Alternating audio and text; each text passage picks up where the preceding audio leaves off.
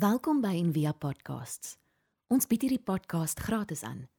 Om 'n bydrae te maak, besoek gerus ons webblad en via.org.za vir meer inligting. Die volgende paar weke gaan ons gesels oor mense wat 'n ongelooflike groot bydrae gelewer het tot gebed. En ek dink tot 'n geestelike landskap wat vandag opnuut besoek word en dat al hierdie persone was eintlik hulle tyd te ver vooruit. Dat toe hulle hierdie goed geskryf het van dit is tot 500 jaar terug wat ehm um, mense wat dit gelees sê wat wat gaan nie aan? En dan veral in akademiese kringe en met die ontwikkeling van die wetenskap klik ons nou dat van hierdie mense het insigte gehad oor hoe die siege werk en en God wat eintlik ongelooflik is. En ons noem hulle geringe helde. En vandag begin ons nou met Thomas Merton. Nou net so ietsie oor sy lewe.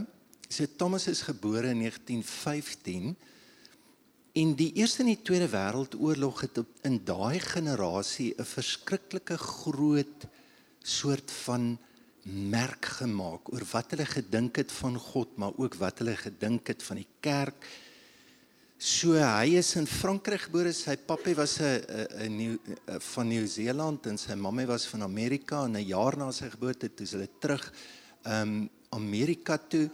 Hy het 'n oupa daar gehad wat redelik konservatief was wat ook hy hy kon die kerk nie verstaan nie. Sy mamma is dood op 6 en toe het die pa 'n verhouding gehad met iemand wat hy nie goed gekeer het nie en hy begin te rebelleer en toe sy pappie dood toe hy 16 is. En in daai tyd het hy begin te vra maar wie is ek? En hy het met daai soektog in sy lewe begin. Later is sy pappie dood. En ehm um, Hy gaan toe terug na sy tannie toe, bly by sy tannie, by sy oupa, by sy ouma. Hy beland in 'n Britse skool en hy kry so kykie in 'n in die Katolieke kerk. Hy's ook in 'n Katolieke skool wat sy oupa glad nie goedkeur nie en baie bekommerd is oor die feit dat hy blootstelling aan Katolieke het. Hy was briljant. Sy poesie, sy letterkunde in Cambridge het hulle net sien maar hier hierdie is 'n ster. Maar in daai tyd soek hy na homself. Dit was drank, dit was vrouens, dit was en hy mors basies sy hele lewe op en oupa gaan haal hom terug uit Cambridge sê hoorie nou bly jy hier by ons. En op 16 besluit sy oupa hoorie ek gee vir jou 'n erfdeel dat jy totaal onafhanklik kan wees, doen met jou lewe wat jy wil. En hy studeer in die Universiteit van Columbia in Kentucky. En daar in 1941 hoor hy van 'n retreat wat aangebied word in 'n klooster. En hy gaan woon dit by. En daar verander sy hele lewe en hy besluit ek wil my lewe voltyds vir die Here gee. En ek wil God probeer verstaan in stilte en in afsondering. In 1948 skryf hy hier sy eerste boek The Seven Story Mountain en hy verkoop 600 000 eksemplare binne 'n jaar. En hy word eintlik die eerste celebrity monk wat hy glad nie wou wees nie. En as jy as as jy hom nou dopgehou het, dan jy sal hom so onthou. Die ou wat ernstig is, wat 'n rok dra, wat in 'n klooster bly. Maar hy het gesê hoor hierso. Dis ook nie lekker nie want ek wil nie geheg word. Dis nie wie ek is nie. Ek trek ook my denims aan. Hy was mal oor blues, oor rooi wyn. Sê maar ek wil ook nie dit is ook nie wie ek is nie. Ek gaan weer terug na die rok toe ek. In in daai was sy lewe gewees. En as jy as jy nou die mense lees wat sê maar wat was Thomas se bydrae?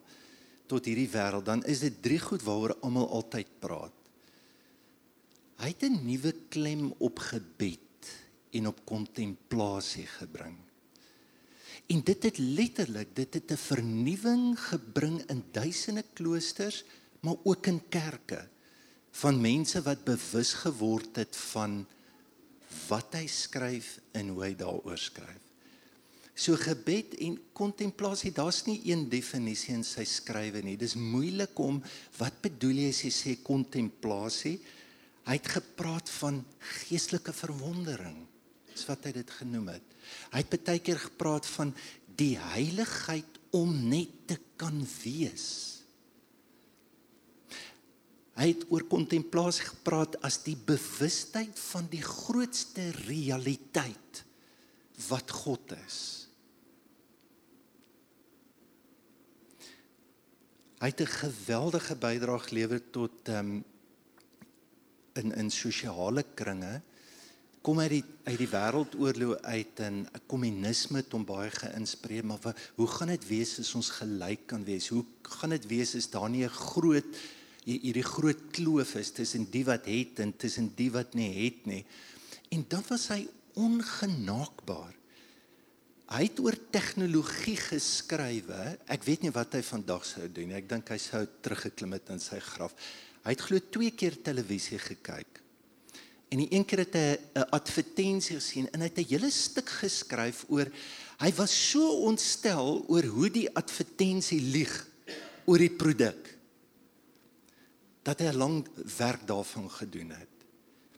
En dan net die onregverdigheid van die wêreld waarin hy lewe. Ehm um, die meeste van sy werk is nie eens gepubliseer nie. Hulle het net sê hoor die brou, jy kan tronk toe gaan as jy hierdie goed gaan sê, moet dit nie sê nie. En dan as mense van hom praat, dan sal hulle sê dis die nederigste mense mens wat daar was. Wat nou interessant is, ek lees 'n artikel hoe die millennials of die nuwe generasie aanklank vind by hom. En een van die groot redes is dat hy niks weggesteek nie, hy het joernale en letterlik sy wroeginge, sy foute, jy het sy hele lewe is net daar. Nou jy kan basies Thomas se lewe indeel. Hy was 27 jaar buite die klooster, eerste helfte, en hy was 27 jaar binne die klooster. En op die ouderdom van 53 wat hy gepraat het in 'n kongres in Indië, sy dood geskok in sy hotelkamer waaroor ook al baie teorieë is. So ons ons kan dit sê dat Thomas is 'n laat adolescent wat probeer uitvind maar wie is ek? En dan in hierdie soektog sal jy nou hoor as jy sy boeke lees dat hy gebruik die woord kontemplasie verskriklik baie. En op en op een plek dan definieer hy dit so contemplation the awareness of the reality of the source which is God. Dat hy sê dat eintlik weet jy die hele lewe gaan oor dit.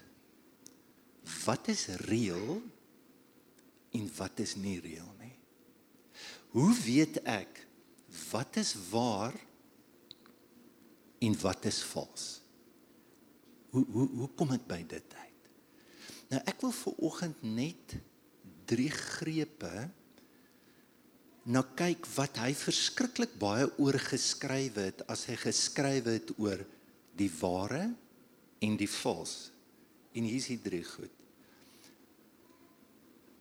Hy het baie hy het gesê as jy wil as jy moeite doen om jouself te kry, gaan jy agterkom as twee van jou daar's 'n ware en daar's 'n vals self. Hy sê as jy moeite gaan doen om God te kry, gaan jy twee kry. Jy gaan jou idees van God kry en jy gaan wil hê God moet wees soos wat jy wil hê moet wees en dan gaan jy die ware God kry. Hy sê as jy na die skepping kyk en na mense, dan gaan jy twee sien. Jy gaan na mense kyk soos wat jy wil hê hulle moet wees of soos wat jy hulle maak of jy gaan mense kry jy gaan in die skepping wees soos wat God daarna kyk nou net net 'n paar goed as hy oor homself skryf hy het gesê jy kan jouself net ken in terme van God So moenie moenie jouself gaan soek buite God nie, want jy gaan dit nie kry nie. As jy jou soek, jou diepste diepste wese is verwant aan God. Jy kom uit God. Jy's geskape na sy beeld. En binne elke mens is daar hierdie enorme konflik van wie ons dink ons is wat die samelewing wil hê ons moet wees ons status dit wat ons het dit wat ons doen daar's 'n geweldige konflik met daai verstaan van jouself en wie God sê jy is kyk bietjie sê dit hy sê every one of us is shadowed by an illusory person, a false self. That is the man that I want myself to be, but who cannot exist because God does not know anything about him. So hy sal sê ons vals self of die een wat ons buite kan toewys. Hy noem dit vals nie omdat dit boos is nie. Hy noem dit vals want dit bestaan nie. Bestaan nie. Is net 'n persone wat ek skep. En ons almal het dit nie. Bro, ons het rolle om te speel. Ek is 'n pa, ek is predikant, ek is 'n man, ek is en en dit is nie verkeerd nie dat ons almal het 'n self wat op 'n manier hom uitdruk.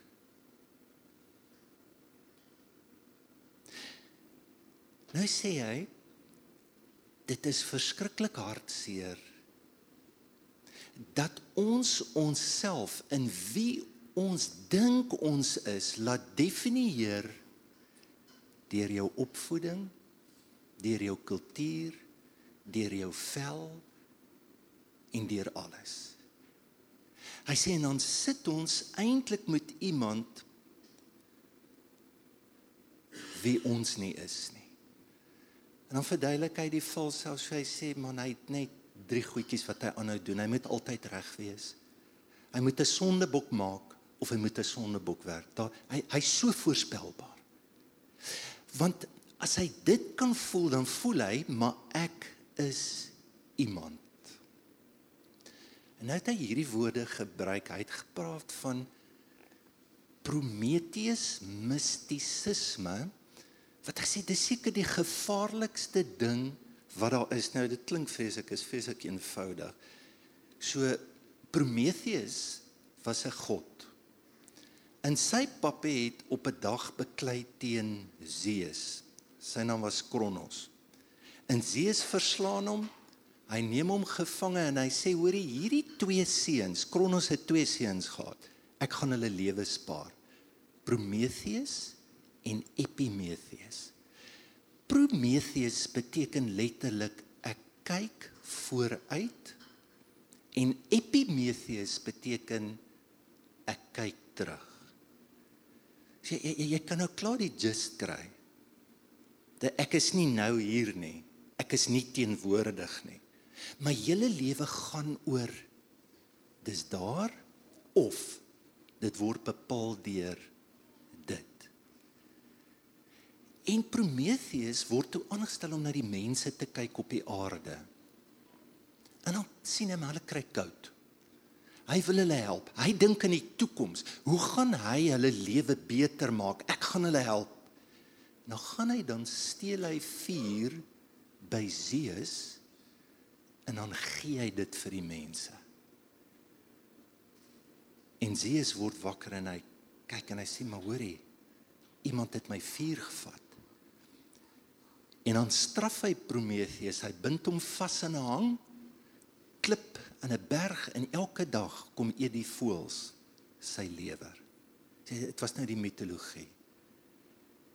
So wat Thomas sê is ons doen presies dieselfde. Ons lewe in so tyd soos Prometheus. Ons is nie happy nie. Dis nie lekker nie. Ons sukkel. Ons moet gehelp word. Die lewe werk nie soos nou nie.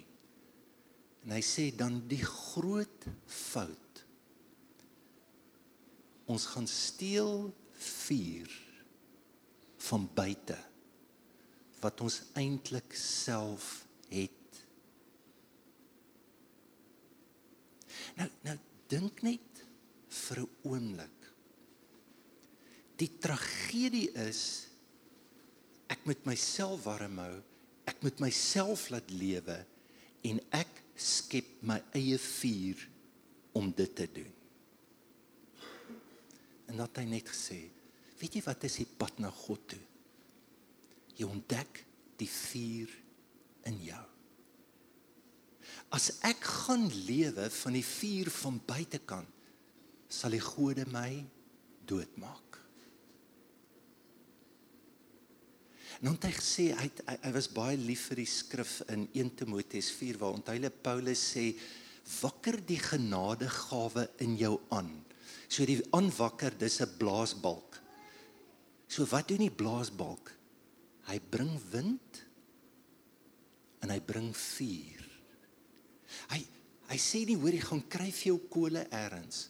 Gaan kry laat toe laat die wind laat die gees in jou blaas. En as jy dit gaan toelaat, gaan jy sien dat die vuur is in jou en dat daardie vuur begin te brand. Dit was so eenvoudig soos dit. Hy het gesê, "Weet jy hoe doen jy dit? Gee oor in afskondering en in stilte." Nou ons het Romeine 8 gelees vandag. Kom ons staan net vir 'n oomblik hier stil. Die Gees staan ook in ons swakheid by. Ons weet nie wat en hoe ons behoort te bid nie. Maar die Gees self pleit vir ons met versigtings wat nie met woorde gesê word nie. En God wat die harte deurgrond weet wat die bedoeling van die Gees is. Want hy pleit volgens die wil van God vir die gelowiges. Kyk bietjie wat sê hy sê as jy toelaat dat die Heilige Gees nou die Heilige Gees die woord vir gees is wind of asem dink in 'n blaasbalk dat daardie wind is in jou en daardie wind daardie gees bedeer jou met woorde wat nie gesê kan word nie. Dink net vir 'n oomblik. Kyk, ons noem dit stil gebed. Dat dat wanneer ek na daai plek toe gaan met God, is daar 'n werking in my wat deur my bid na God toe. Hy sê die volgende, hy sê the danger is that our very prayers get between God and us. The great thing in prayer is not to pray but to go directly to God.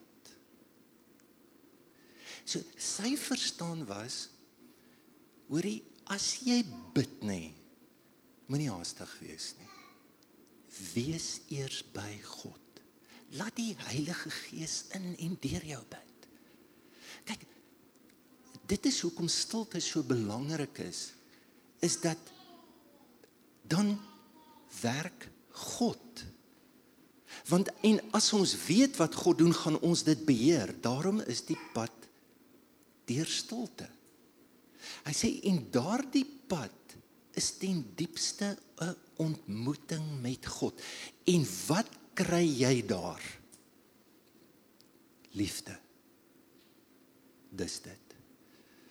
Kyk hoe mooi is hierdie the true self where you and God are one does not choose to love as much as it is love itself already. The true self does not teach us compassion as much as it is compassion. Loving from this core of our being is experienced as a river within you that flows of its own accord. From this more spacious and grounded place, one naturally connects, emphasizes, forgives, and loves everything. We were made in love, for love, unto love. This deep inner yes, that is God in me, is already loving God through me. The false self does not really know how to love. In a very deep or broad way, it is too opportunistic, it is too small, it is too self referential to be compassionate. Liewe gemeente, dink net vir 'n oomblik daaraan dat ek en jy het die vermoë om eenwording met God te kan ervaar. Dit te kan proe.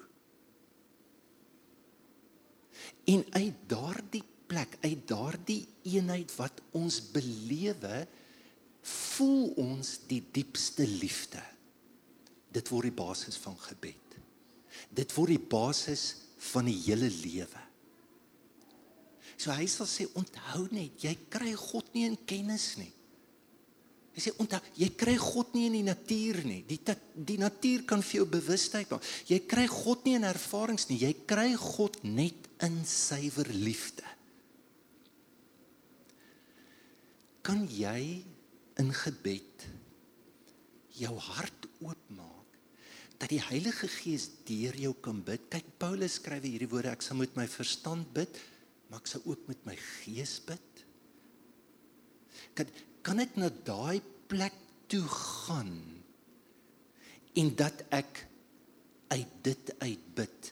Hy sê en al wat ek daai plek kan noem is liefde.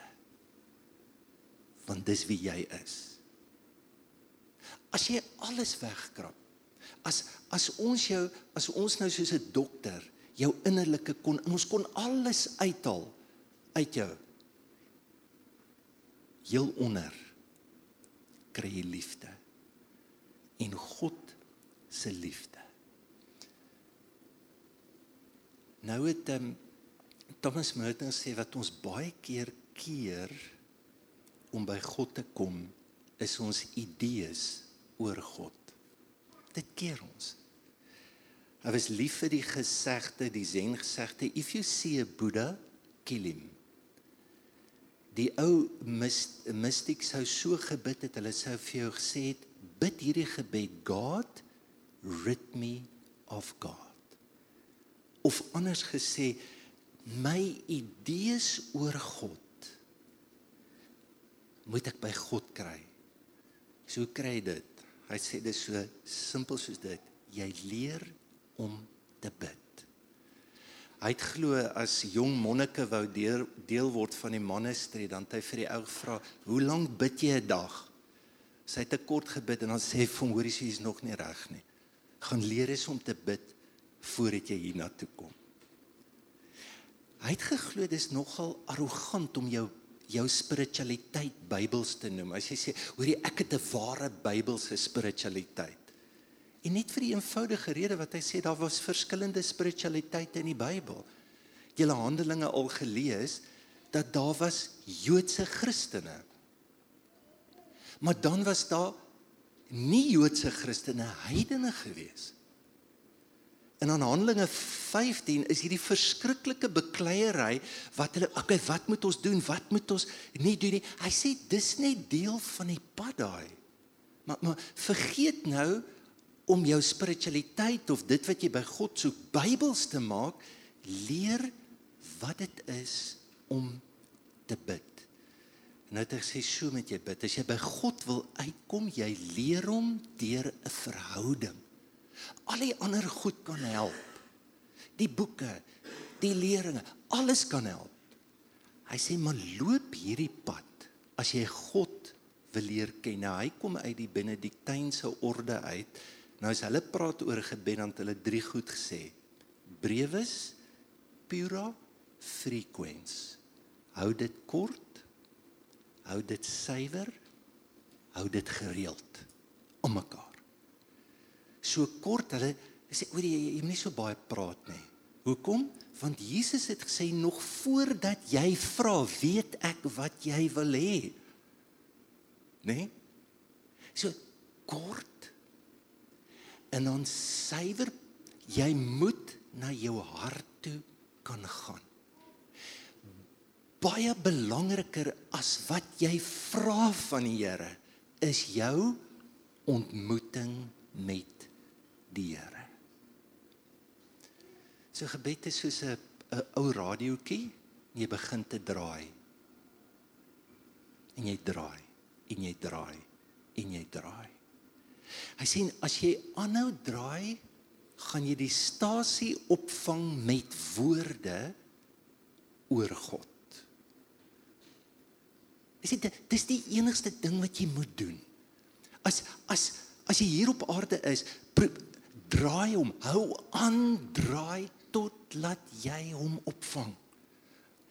Hy het gesê therefore there's only one problem on which all my existence, my peace and my happiness depend to discover myself in discovering God.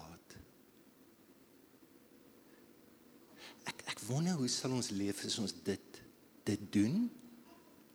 As as jy glo dat jou geluk nie jou besigheid is, jou beroep is of jou verhouding is of maar ten diepste die vreugde wat jy ontdek en by uitkom.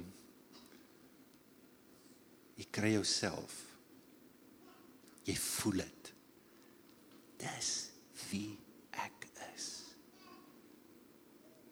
In God It is by desiring to grow in love that we receive the Holy Spirit. And the thirst for more clarity is the effect of this more abundant reception.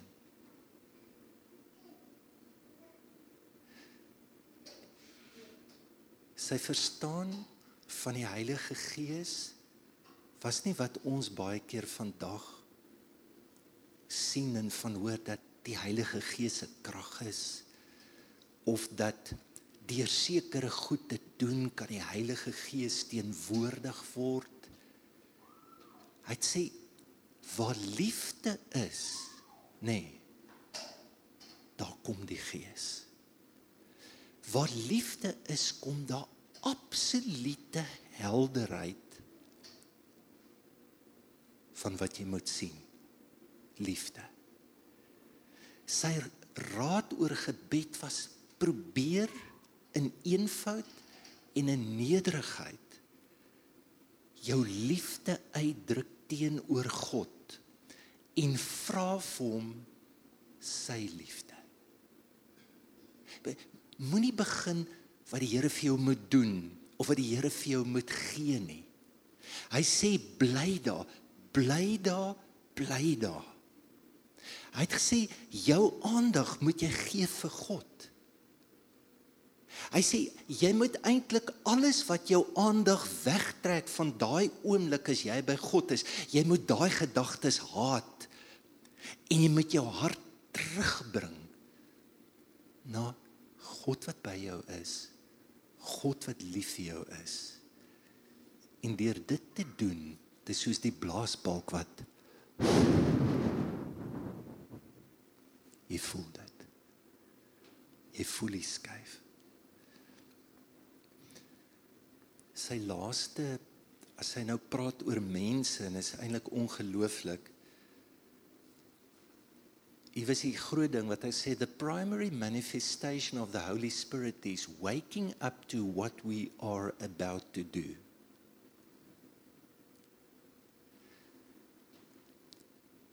As ek agter my rekenaar sit, die wakker word van wat ek moet doen. As dit by my gesin is, die wakker word van hoe ek my kind moet lief hê, my man moet lief hê, my vir hom dit is in die oomblik. So wat waarvoor moet jy wakker word? Om lief te hê. Want Prometheus en Epimetheus se probleem was hulle is die heeltyd daar of hulle is die heeltyd hierso hulle is nie nou teenwoordig nie en dan het hy gesê as jy mense wil lief hê of die skepping Jy kan dit net op een manier lief hê en dit is deur jy jou identiteit.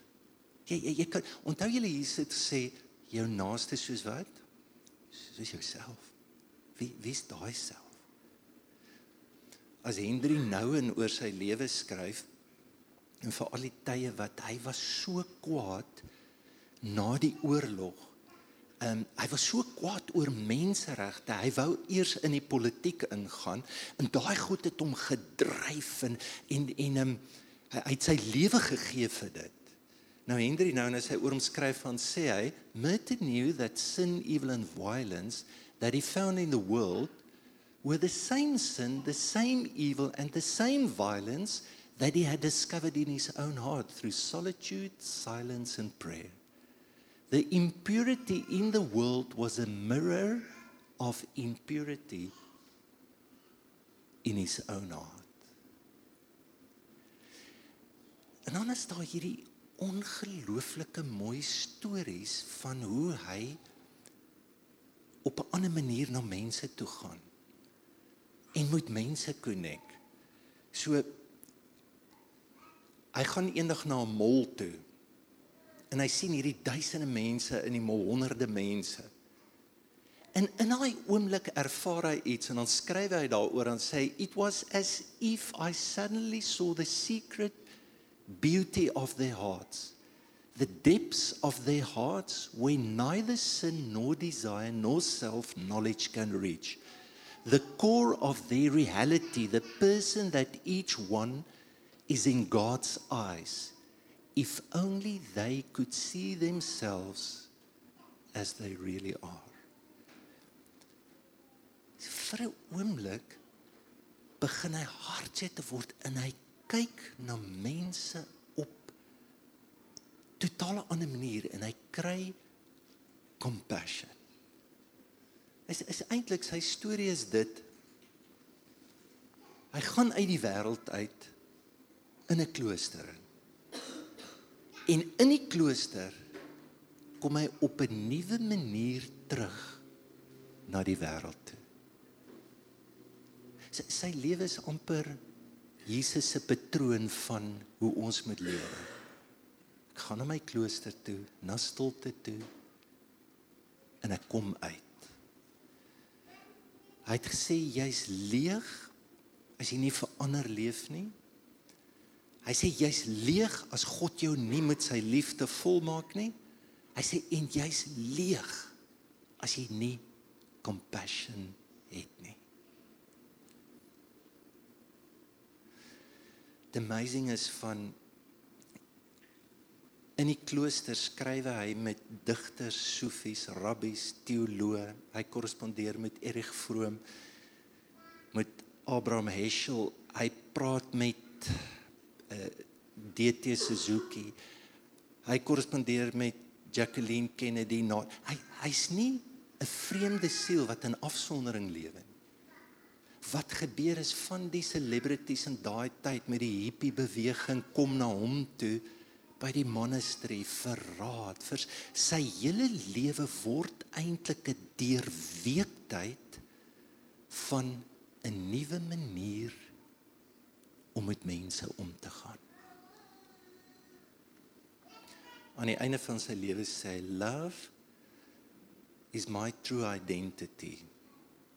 Selflessness is my true self.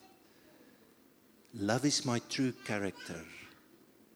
Love is my name. Ja, ag ek hoop dat ehm um, ja, dat as jy 'n leesstof koop, nommer 1 koop behoorlike leesstof en nie die celebrity boekies van die televisiepredikers nie wat beskikbaar is. En as jy vir iemand 'n geskenk wil gee, is die grootste geskenk wat jy kan gee, is 'n boek van Thomas Merton. En dan hoop ek jy sal as jy hom lees iets gebeur in jou hart. Kan dit vir jou sê? Gebeur in jou hart. En ek hoop vir oggend ook dat daar iets 'n uitnodiging kan wees van van die pad wat jy na jou toe moet gaan. Wie's jy? Wie's jy? Kan jy ek kan nie onthou wie was die vrou gewees nie, maar toe sy na daai plek toe gaan toe hardloop sy uit in die straat en skree: "My diepste, diepste ek is liefde, is God, my diepste, diepste 'n oomblike ontmoeting." Ek hoop ons kan uitgenooi word na ja, 'n spiritualiteit wat diep diep gesetel is in 'n persoonlike ervaring, ontmoeting van God wat liefde is. Kom ons bid saam.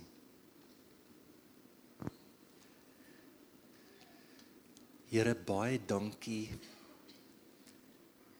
Ag vir mense in soveel duisende helde wat die pad geloop het wat ons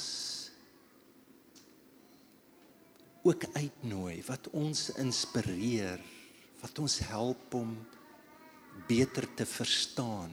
En dankie ook ag Here vir woorde wat wat ons kan stuur na wie ons werklik is.